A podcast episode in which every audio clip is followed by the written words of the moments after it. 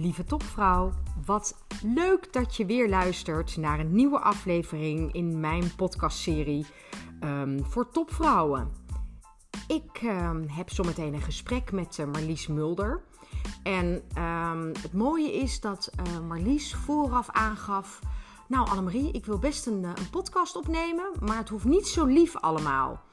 Dus je begrijpt, lieve topvrouw, de messen zijn geslepen. En ik verheug me enorm op het gesprek met uh, deze topvrouw.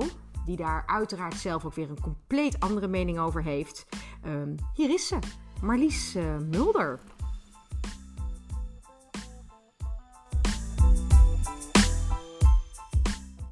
Hallo Annemarie. Hey Marlies, wat leuk dat wij samen een podcast gaan opnemen. Nou, dat vond ik ook. Dankjewel voor jouw uitnodiging. Ja. Hey, voordat wij een, uh, een gesprek gaan hebben waarin het ook van jou wel een beetje mocht schuren, hè? Mm -hmm. uh, uh, stel jezelf eerst eens voor. Met wie okay. hebben wij het genoegen? Jullie hebben het genoegen met Marlies Mulders. Ik ben uh, 42 jaar en ik woon uh, in uh, het prachtige Latem met mijn vriend Tijmen en onze twee katten. Um, ik ben een heel erg ambitieus bestuurder. Um, wil vanuit die rol ook een zekere maatschappelijke bijdrage leveren. En op het moment doe ik dat als financieel directeur of CFO bij EPSC. En dat is in de wereld van intellectueel eigendom. Dus wij uh, bewaken, uh, schrijven en uh, verdedigen ja, intellectueel eigendom voor ondernemingen. geven ook strategisch advies. Het is een hele leuke wereld om actief in te zijn. Um, daarnaast reis ik heel graag. Ik ben maatschappelijk betrokken in de vorm van vrijwilligerswerk. Maar probeer bij heel veel dingen op de hoogte te blijven. Soms een beetje te veel, want er gebeurt nogal wat in de wereld. Ja. En uh, daar vind ik dan natuurlijk ook iets van. Dat maakt het leven niet makkelijker. Um, en, ik, en ik sport heel graag. Ik ben duursporter. Um, dus maak me daar, uh, zet me daar ook uh, voor in. Ik ben bezig met de organisatie van een evenement. Dus een, een manetje van alles, zal ik maar zeggen.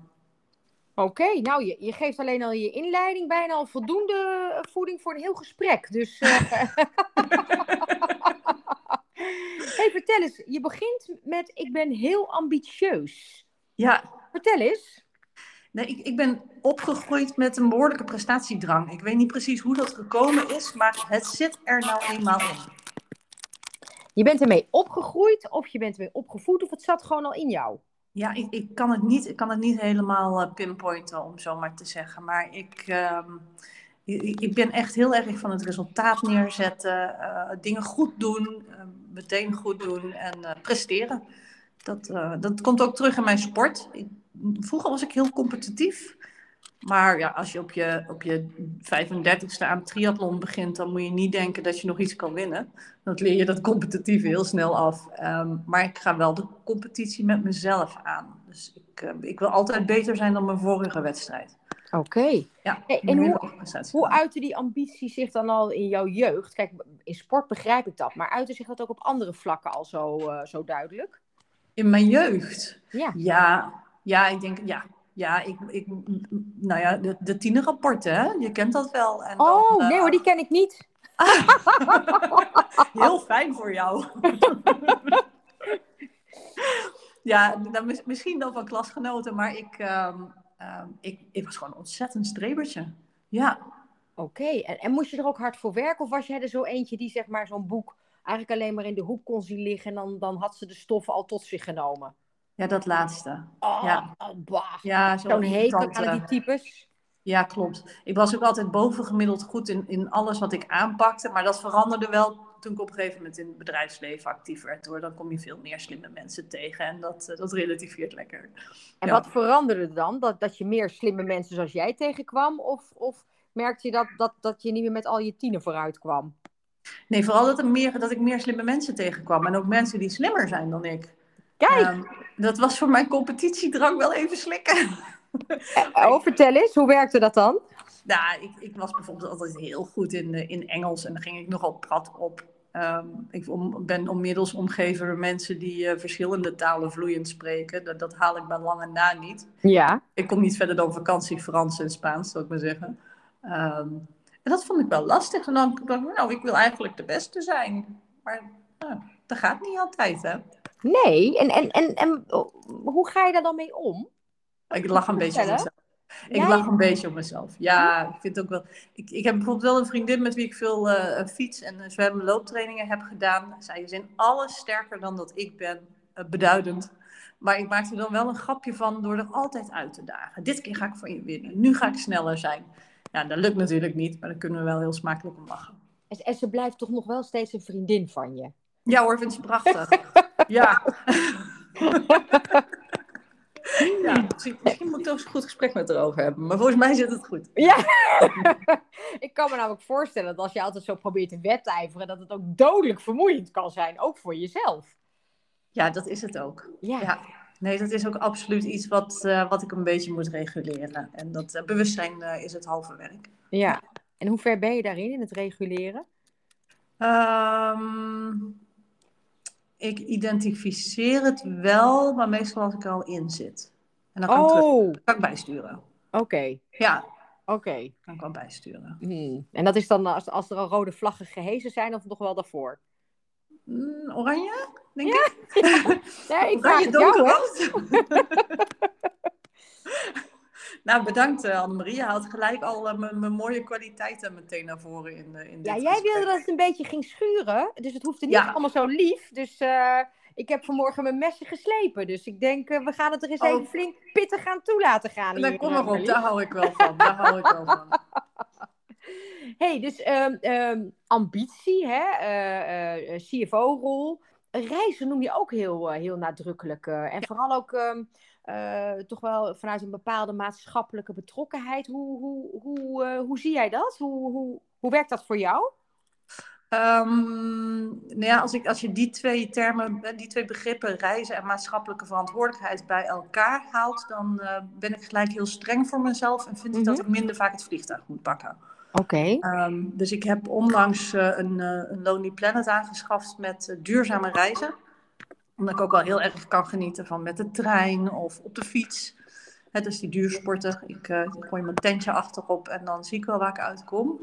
Um, maar ja, ik hou ook heel erg van avontuur. Dus ik, ik vind in dat opzicht, voor die combinatie, dat ik uh, vanuit ecologisch perspectief mijn vliegreizen absoluut moet beperken. Ja.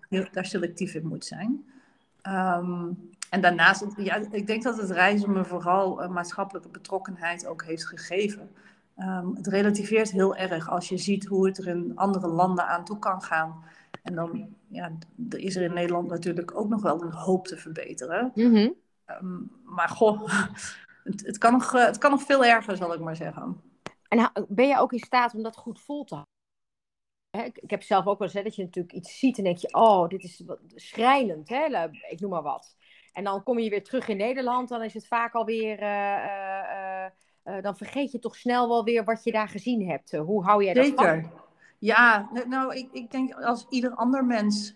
Um, ja. Wat ik als voorbeeld kan noemen is, ik uh, kies voor een, een, veganistische leefstijl. Ja. Dus ik vermijd dierlijke producten.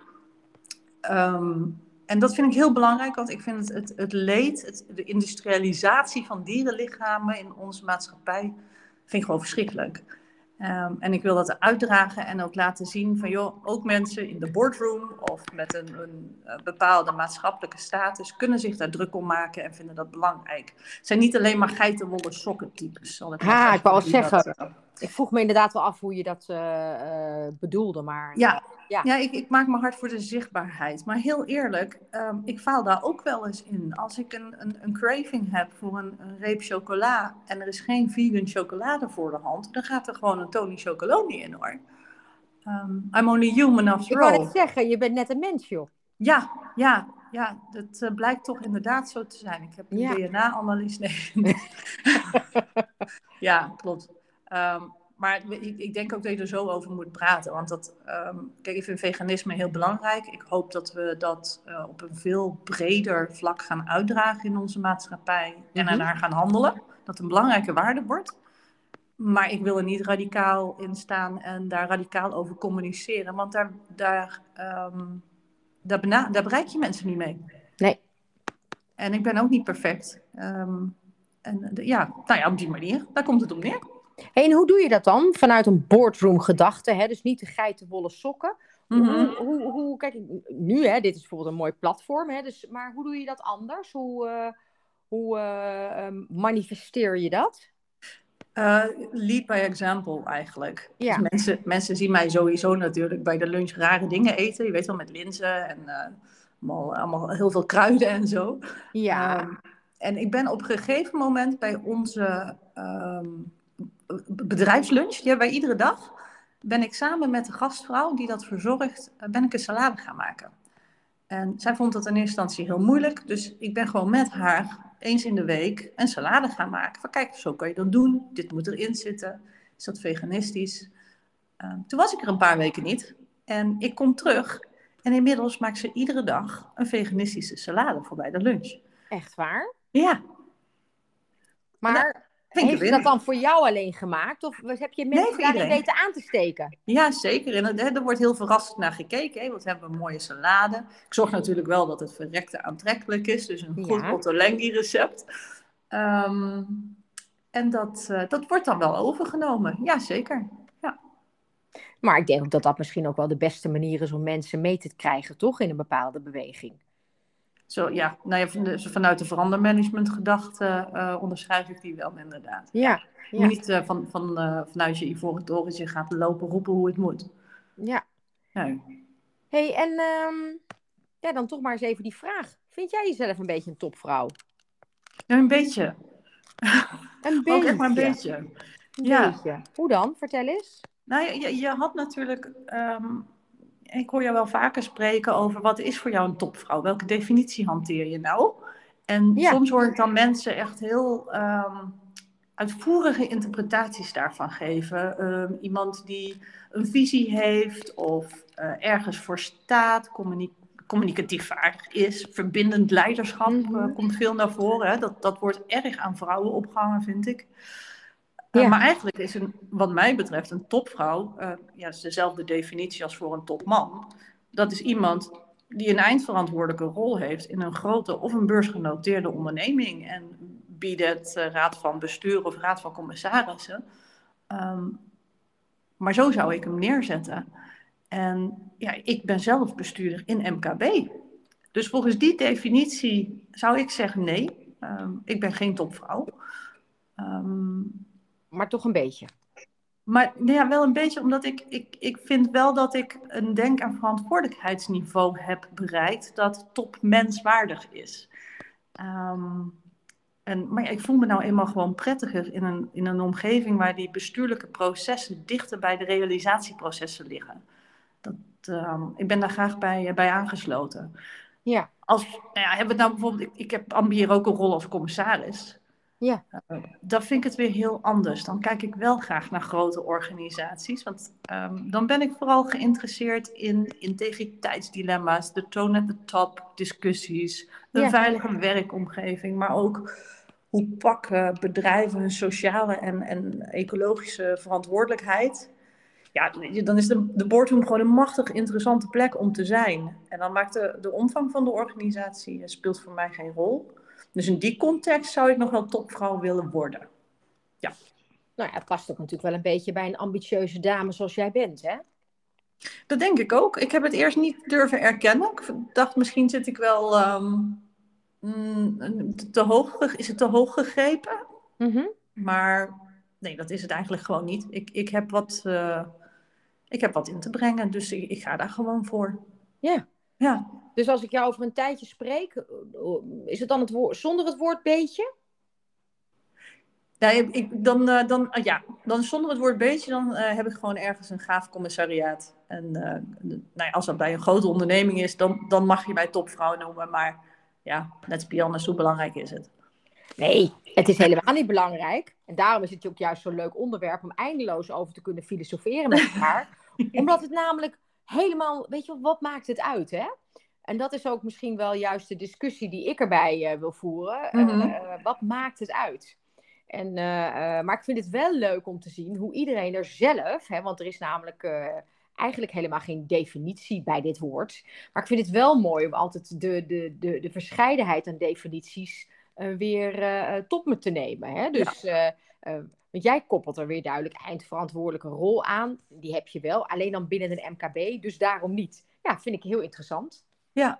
Ja. Ja, nou, dat kan ik me voorstellen. Ik, ik ben daar zelf, voor mij is het niet heel veel anders dan van een topman. Kijk, ik vind, uh, laten we, nou, Paul Polman, dat noemen we een topman. Ja. Maar uh, de, de bestuurder van de, de logistiek dienstverlener hier om de hoek, ja, die, die kennen wij niet als topman. Dat zouden we niet zo zeggen. Dus ik trek die parallel ook gewoon voor vrouwen. Daar komt het eigenlijk op neer. Ja, ja. ja. En je noemt dan een paar keer ook bewust topman erbij. Uh, zit daar voor jou onderscheid in? tussen topmannen en topvrouwen? Ja? Um, ja, weet ik niet zo goed. Vooropgesteld, ik spreek ze niet heel veel. Dat, dus ik echt kennen, doe ik ze niet. Um, en ik wil er gewoon niet te binair in staan. Ik heb in, um, in de laatste jaren wel gemerkt dat ook in, sowieso in veel besturen zitten mensen, mannen en vrouwen, mm die uh, best wel ontwikkeld, genuanceerd en um, verbindend in de wereld staan. En die ook echt een verandering willen brengen, ook middels de organisaties die ze leiden. Mm En dat is, um, um, ja, of je daar nou man of vrouw in bent, dat is tegenwoordig niet meer zo belangrijk, denk ik. Vroeger wel. we weten natuurlijk ook allemaal dat je, je moet wel geaccepteerd worden als je iets anders komt brengen. Dat is heel lastig als er echt een een hele masculine vibe in een bestuurskamer hangt. Ja. Um, daar gingen vrouwen daar maar in mee, om zo maar te zeggen. Ja. Om, en dat is gewoon om aansluiting te vinden. Ja. Um, Herken je dat bij jezelf? Daarin ja. meegaan? Ja, ja, ja, ja. Ik maak met een vriendin van mij wel eens de grap dat wij allebei last hebben van toxische masculiniteit. Um, moet je voorstellen dat als wij uit eten gaan en de rekening komt, dan, dan grijpen we allebei als eerste naar, naar onze pinpas. Ja. gaan we een beetje stoer lopen doen wie hem zal betalen, zeg maar. Um, wij, hebben ons, ja, wij hebben ons in het verleden, of laat ik voor mezelf spreken, um, wel wat steviger neergezet in dat opzicht uh, dan, uh, dan de werkelijkheid uh, zou, recht zou doen. Ja. En verleden, ja, verleden. Ik ben daar wel echt van teruggekomen. Ik moet ook zeggen, kijk, ik werk op het moment in een omgeving waar heel um, weinig overduidelijk haatjesgedrag is. Er, er zitten geen boquito's aan onze bestuurstafel. Um, en ik denk dat als ik dat nu nog tegen zou komen, dat dat gewoon een omgeving is waar ik me niet meer thuis voel en het waarschijnlijk minder lang vol zou houden. Ja. ja. Dus de omgeving heeft je ook wel uh, kunnen helpen in het loslaten van uh, je eigen masculine gedrag. Ik denk dat je dat wel zo kan zeggen, inderdaad. Ja. Ja. ja. ja. En, en, en hoe voelt dat? Ja, bevrijdend. Ja, en ook, um, uh, ik merk dat ik daarmee, en dan komen we toch een beetje in dat binaire van hè, feminine waarden en, um, en masculine waarden. Ik breng vaak toch wel een iets andere kijk mee. Um, en dat is heel aanvullend. En dat, dat, is ook goed voor mijn, uh, mijn gevoel van eigenwaarde. Maar nou, ik heb hier wat uh, te brengen. En dat, dat is heel prettig. Dus in dat opzicht kom ik veel beter uit de verf door dat te laten gaan. Dan proberen die aansluiting te vinden op die, op die andere manier. Ja, want ik denk juist dat dat ook echt wel de kracht is van diversiteit. Hè? Um, ik geloof ook heilig in gelijkwaardigheid. Maar wel degelijk vanuit een, een masculine of een feminine waarde. Hoe bedoel je dat precies? Gelijkwaardigheid vanuit een masculine of feminine waarde? Nou, wat ik bedoel te zeggen is eigenlijk, uh, um, ik, ik vind mannen en vrouwen zijn gewoon gelijkwaardig aan elkaar. Hè? Mm -hmm. Um, maar ik vind wel dat, uh, en dat, je hebt ook mannen die heel feminien zijn en vrouwen die heel erg masculien zijn. Ja. Maar over het algemeen, hè, uh, denk ik dat die teams die het beste presteren, die hebben juist een goede balans tussen die feminine en die masculine waardes. Ja, dus, absoluut. Uh, en over het algemeen is het dan zo dat de vrouw, als ze zich comfortabel voelt in haar rol, ook daadwerkelijk die feminine rol ook kan en, en mag laten zien van zichzelf. Hè? Want het is, het is lang niet altijd zo dat haar omgeving haar dat verbiedt, maar dat ze zich vaak, hè, wat jij ook beschrijft, en ik trouwens uit mezelf ook heel erg herken. Het is niet dat je omgeving voor zegt van, joh, jij moet je als een man gedragen. Wel nee, maar het is vaak het cultiveert het. Ja, en, ja. en het voelt veilig. Ja, hè? klopt. Maar ik denk dat ze dat dan voor mannen ook doen. Hè? Als je in een hoogcompetitieve omgeving zit, ja. uh, waar prestatiedruk heel hoog is, Ja. dan heeft dat hetzelfde effect op mannen. Exact. Ehm, en dat ook, ook mannen lijden daaronder, omdat het gewoon niet helemaal veilig voelt. Nee, En nee daarom dat ik het woord veilig ook bewust ook even aanhaalde net. Ja. Ja. Nou, ik denk dat dat wel een discussie is die op het moment heel erg gaande is. Op veel, veel, ehm, in veel hoeken, uithoeken van onze samenleving. Op tv, we hebben nu de Matthijs van Nieuwkerk eh debakel. Nou, Dat soort dingen. Veiligheid is echt een hot topic. ja. Eh, vroeger moest je er maar tegen kunnen. Ehm, En be, be one of the guys, om zo maar te zeggen. En dat, dat, daar kijken we nu wel heel erg anders naar. En dat vind ik een hele mooie ontwikkeling. Nou, heb jij, ik bedoel, ik kan niet voor anderen spreken, hè, maar ik heb zelf nooit ehm, gehoord dat iemand tegen mij zei: je moet er maar tegen kunnen. Ik denk dat ik het mezelf vooral oplegde. Hoe ervaar jij dat? Oh, nou, ik denk allebei. Ja. Nee, het is zeker ook zelf opgelegd. eh, zeker gegeven. Ik, ik weet dat ik verschrikkelijk streng ben voor mezelf. Dus Mhm. daar, daar hangt het absoluut mee samen. Maar ik heb bijvoorbeeld wel eens in een ehm, eh, omgeving gewerkt. Nee, twee keer zelfs. Dat ik echt in een toxische omgeving zat met mensen die mijn autonomie in, in werken inperkten. En dat ik tot twee keer toe te horen heb gekregen, ja, je, je moet ermee om kunnen gaan. Zo zijn ze nu eenmaal. Ik denk dat dat, ja, dat zou ik, als ik daarop terugkijk, en dat vond ik van mezelf ook, en ik ben gaan, ervoor gaan zorgen dat ik ermee om kan gaan. Uh, dus dat lukt me nu wel beter. Maar als ik op terugkijk, zeker voor de fase van mijn carrière waar ik toen in zat, is, is dat een uitspraak waar ik het nu gewoon pertinent niet mee eens ben. Je moet, je moet um, als we even praten over daders en slachtoffers, je moet de dader aanpakken. En niet tegen het slachtoffer zeggen, je leert er maar mee omgaan. Nee. Hey, je haalt het woordje streng aan. Hoe uitzicht dat, uh, los natuurlijk van het feit dat je de tiende voor jezelf uh, uh, altijd als de maatstaf had? Ja. Heeft het ook nog andere verschijningsvormen, die strengheid bij jou? Ik vind niet snel dat ik het goed heb gedaan. Hmm. Ja, dat is een hele lastig hoor. Ja. Ja. Dus je haalt aan de ene kant de tienen en dan toch nog niet helemaal goed hebben gedaan. Ja, ja klopt. Nou ja, weet je, het, het, het, was vroeger, ik denk dat als je de tafel van, uh, van 13 uit je hoofd moest kennen, dan uh, daar zaten niet veel verrassingen in. Hè? Mm -hmm. um, tegenwoordig, als je bijvoorbeeld een M&A-traject doormaakt, dan is alles niet zo, is de juiste uitkomst niet zo evident als bij die tafel van 13. En er spelen veel meer factoren mee in, uh, in dat proces. En pas Ja. achteraf, als je kijkt naar het eindresultaat, dan zie je mogelijk wat lacunes. Hoeft ook niet, maar ik zal ze altijd wel vinden. Ja. En dan, dan ben ik wel streng voor mezelf. Van, joh, dat had je beter moeten aanpakken. Um, tegenwoordig probeer ik dat wel te reframen naar dat moet je de volgende keer anders doen. Vind ik is een andere toon. Zeker wel, maar dan nog steeds zit er wel een waarde in. Ja, absoluut een waardeoordeel. Ja, ik wil altijd, altijd beter zijn weer dan gisteren. Ja, ja. klopt. Is dat vermoeiend? Ik denk het wel. Maar ik, ik weet het, het niet. Ja, nou, ik denk dat veel mensen dat zo zien. Het is voor mij heel eigen, hè? Ja. Ik, heb het, ik heb het altijd zo gedaan. Vind jij het vermoeiend klinken?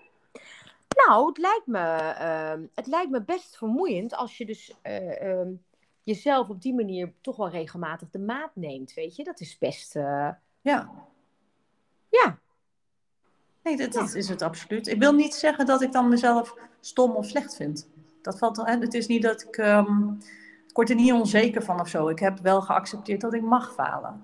Ja. Maar het moet wel beter de volgende keer. Ik ben daar wel kritisch op. Ja. ja. En weet je dan ook altijd waarin het beter moet?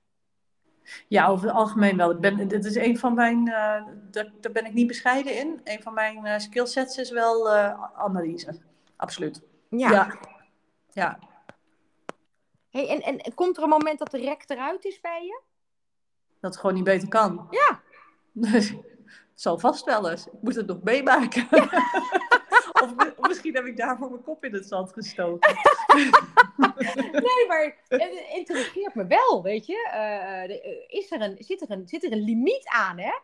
Ja, nou, dat is een vraag waar ik wel eens over na zou kunnen gaan denken. Dat is een hele ja. leuke vraag. Ik heb gewoon ja. heb ik simpelweg geen antwoord op op het moment. Nee. nee. Nou, lekker. Die neem ik vast mee. Nou, heel goed. Ja. Heel goed. hey, waar ben je nou het meest trots op? Um, ik neem een stukje persoonlijke ontwikkeling wat ik wel heb doorgemaakt. Want ik was dus ik was wel heel onzeker vroeger en dat compenseerde ik met al die prestaties. Ja. En um, dat ik nu beter kan omarmen dat, dat er ook gefaald mag worden daar, uh, dat is wel heel prettig. En ik heb me veel meer losgemaakt van de mening van derden. Nooit volledig natuurlijk, daar blijf je als mens gevoelig voor. Uh, maar de, ja, er gaat mentaal wel vaker een middelvinger omhoog, laat ik het zo zeggen. Oh ja? Ja, ja. Ja hoor. ik, zie echt, ik zie ook echt heel vaak de, de mening of een standpunt van iemand vertelt mij vooral van alles over die persoon. Waar ik het vroeger op mezelf zou betrekken. Um, en dat, uh, dat, is een stap die me erg veel energie heeft opgeleverd en vrijheid heeft opgeleverd, kan ik je vertellen. Ja. Ja. En wat ik, waar ik trots op ben, tenminste, ik merk dat me dat altijd wel emotioneert. Um, ik heb nu twee keer een directiepositie uh, in een organisatie bekleed. En ik heb tot twee keer toen meegemaakt dat er jongere vrouwen uit de organisatie naar me toe komen. Die enerzijds uh, zeggen, oh ik vind het zo gaaf dat we een vrouw in de directie hebben. Dus dat doet echt iets met ze. Um, ja. en, een, en ook een keer ik merk gewoon dat er meer aandacht is voor de ontwikkeling van vrouwen nu binnen onze organisatie. Um, en dat dat dan veel al door mij gedreven werd. Ja, dat, dat vind ik wel heel gaaf om terug te krijgen. Dat emotioneert me ook echt. Ja. Maar daar mag je ook volgens mij heel trots op zijn. Nou, dankjewel. Ja, want grap is namelijk, je maakt me benieuwd als je dezelfde, voor jezelf de lat zo hoog legt. Doe je dat voor jouw mensen ook? Niet meer. Heb ik wel gedaan hoor. Ja. Klopt. En dat, ja. dat is. Um, um, en dat heb ik af moeten leren, want dat, dat vermindert je effectiviteit als manager natuurlijk behoorlijk. Hè? Mm -hmm. En ik heb ook wel eens van een, uh, een gewaardeerd collega teruggekregen. Ja, jij werkt zo hard. En ik dacht van ja, wat kan daar nou mis mee zijn? Hè? Ja, ja, maar dat, dat geeft ons het gevoel dat, dat wij het nooit goed genoeg doen, want jij werkt zo hard. Ik denk, ja, dat snap ik wel. Ik zet de norm natuurlijk. Ja, dat is natuurlijk je rol, zeker in, uh, waar had je het over? Lead by example. Ja. Dat is natuurlijk niet alleen maar als uh, veganist, maar ook in je, je, natuurlijk je hele, je hele manier van werken, je arbeidsethos. Ik bedoel, dat, dat loopt daar natuurlijk allemaal in mee. Ja, klopt. Ja, en hoe klopt. heb je dat dan aangepast? Ik bedoel, dat, dat fix je niet met een salade. Ben je minder gaan werken, minder zichtbaar hard of, of niet? Hmm, ik ben slimmer gaan werken, denk ik. Oké. Okay. Het, het harde werken was bij mij ook wel gewoon heel veel doen op een dag. Ja. Um, en dat heeft ook op andere, op andere vlakken niet, uh, is dat niet altijd het handigste om te doen. Um, een stukje context, hè, doordat ik in het MKB werk, is een groot deel van mijn, of een gedeelte van mijn functie ook wel redelijk hands-on. Dus ik mm -hmm. moet vaak schakelen tussen operatie en strategisch denken. Ja. En dan merk je toch wel vaak dat als je klaar bent met het hands-on gebeuren, dat er weinig mentale energie over is voor het strategisch denken. Um, want dat, dat, is op een ander energieniveau acteren. Snap en ik, ik. En ik, ik, wil meer strategisch denken, daar zit mijn, mijn toegevoegde waarde. Um, dus ik, ik, nou, ik denk dat ik beter heb leren delegeren daardoor. Dus waardoor je zeg maar beter tijd overhield in die balans voor dat strategisch kader. Ja, en dingen meer in, in rust kunnen doen. En niet zeven dingen op een dag plannen, maar vier. Is ook prima. Is ook veel. Ja. Is ook best veel. Ja, Ja. klopt. Ja. Ja, ja, Ja. ja. hey, is- heb, je, heb jij grote teleurstellingen meegemaakt? Ehm, ja. ja, zeker wel. Ehm, ik heb mezelf wel eens heel erg teleurgesteld. Dat, ehm, dat was een hele pijnlijke ervaring.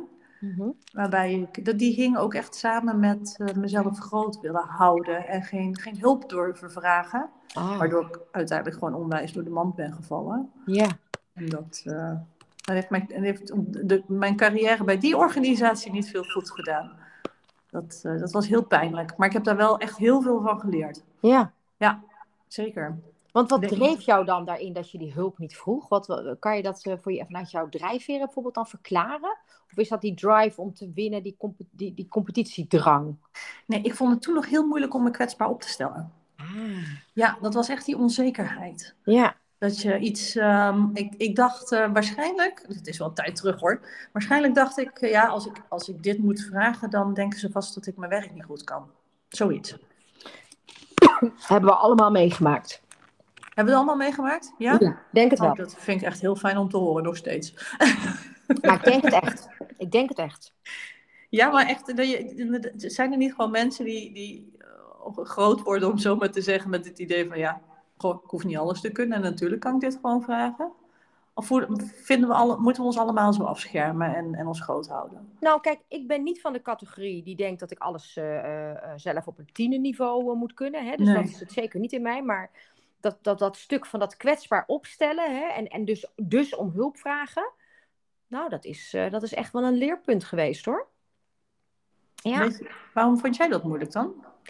Uh, nou, omdat het, omdat het natuurlijk ook, net zoals wat jij zegt, het mij het idee gaf, als ik daarom om hulp moest vragen, kwam het net over alsof ik niet fit voor de job was. Zat, zat daar toch wel een zekere bewijsdrang in? Of nou, dat ja, ja, ja, ja, ja, ja. ik weet niet of het bewijsdrang is, maar het is niet, ja, ja, tuurlijk, het is wel bewijsdrang. Bewijzen dat ik, dat, dat ik geschikt ben voor die baan. Ja. hulpvragen is natuurlijk idioot. Ja. Wat heeft het voor jou opgelost? Hmm, coaching in ieder geval uh, toen de tijd. Dat kan ik me mhm. nog wel herinneren. Uh, ik had een heel senior coach die, die dat eigenlijk uh, heel erg relativeerde. En vooral het ook steeds omdraaide. Van ja, maar wat, als er nou gebeurt, wat gebeurt er nou als je nou die hulp wel vraagt? Hè? Stel, zullen we eens een keer proberen het, ons voor te stellen hoe dat voor je zou zijn? Ja. En toen merkte ik eigenlijk ja, hoe, hoe belachelijk het is dat je probeert alles zelf op te lossen. En vooral... Ja Kijk, ik, ik, ik creëerde zelf hopelijk, hè, voor degenen die luisteren en die in mijn team zaten, eh, ik probeerde zelf altijd een omgeving te creëren waarin je juist om hulp mag vragen. Aan mij, aan iedereen. Hè? En, en, en, en voor Wonder Woman gold dat dan weer net even niet. Hè? dus uh, uh, dat is natuurlijk heel gek. Dat is natuurlijk ook een soort van twee, met twee maten meten. Dus uh, het, is, het is, en het is ook wel een deel ja, wat, je, wat jij denk ik ook hebt meegemaakt, af en toe is gewoon flink tegen de muur oplopen en denken, dit is toch niet heel handig. Nee. Hè? Want tegen de muur oplopen krijg je een beetje blauw gezicht van. En dat is natuurlijk, nou, over het algemeen... Nee, dat staat ons niet zo goed, hè? Nee. Dat vinden we ook niet fijn. Het is niet nee.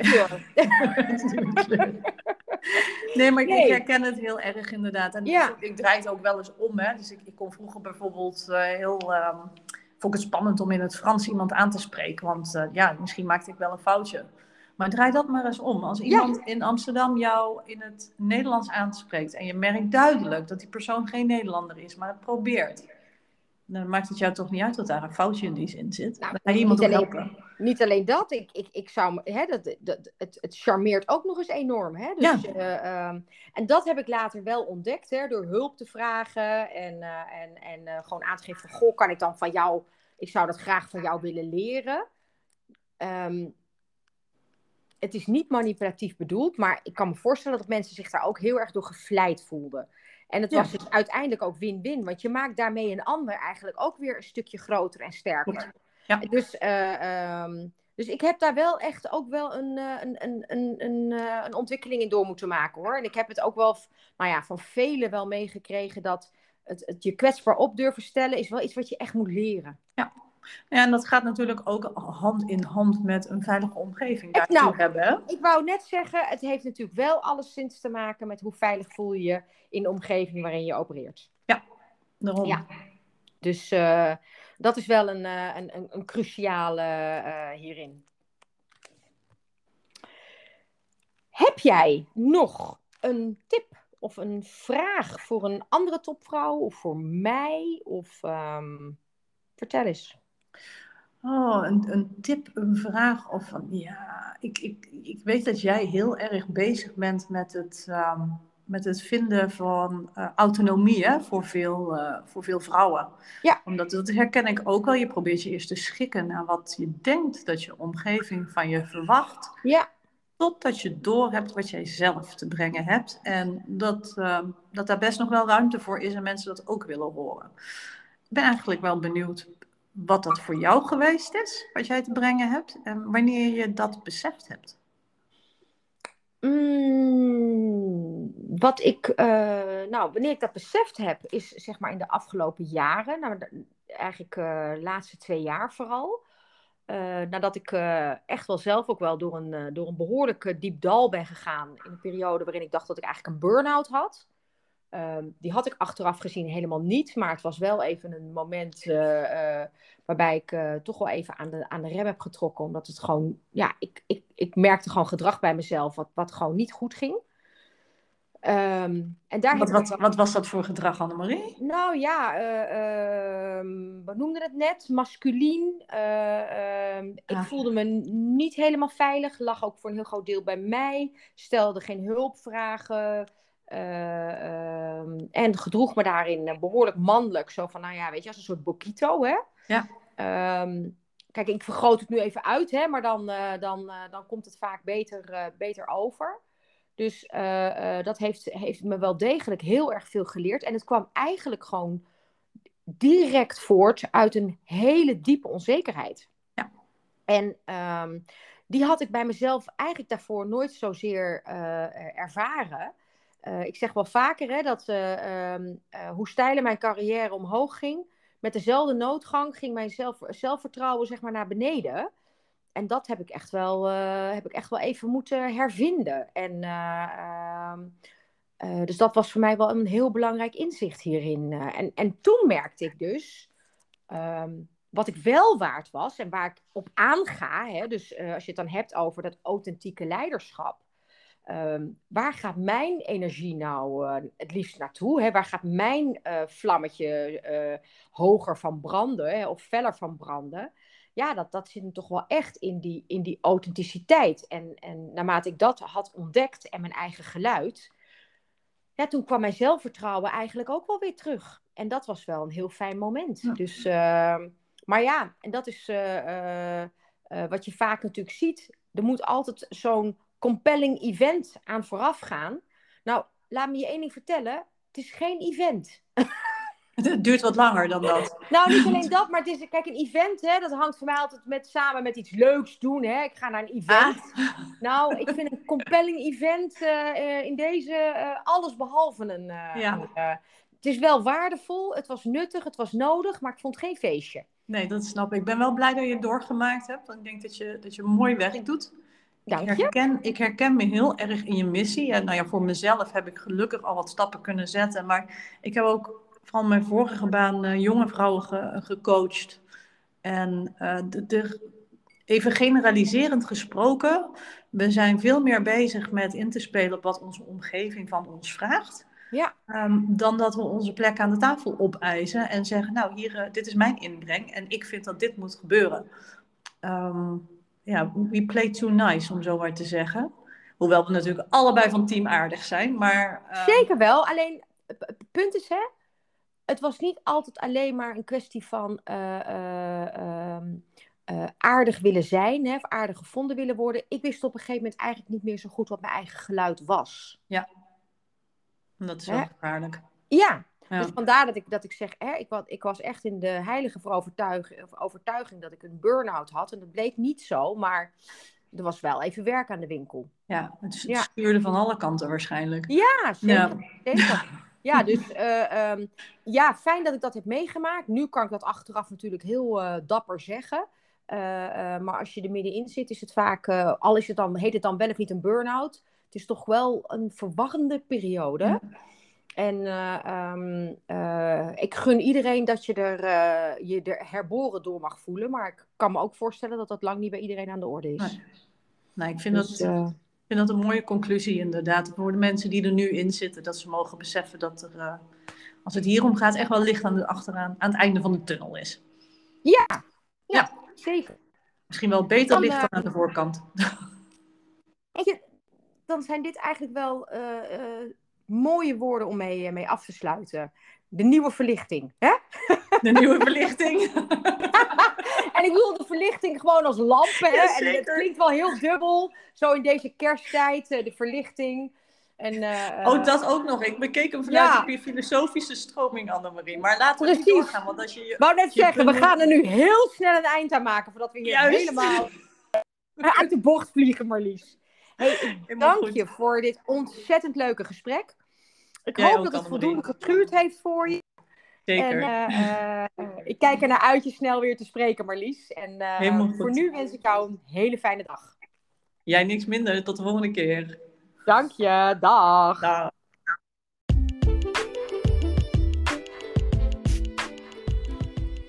Heb jij na het beluisteren van deze aflevering uh, ook zin om met mij wellicht een keer uh, in gesprek te gaan over het thema uh, topvrouwen? Nou, dat kan. wil je dat dan op de lieve manier of teamaardig? Of moet ik ook bij jou de messen slijpen? Nou, laat het me maar weten. Ik sta er altijd voor open om een goed gesprek te voeren hier op deze podcast. En als je interesse hebt in mijn programma om misschien meer te weten over echt authentiek leiderschap, nou, kijk dan even op www.annemarievanwentillard.com.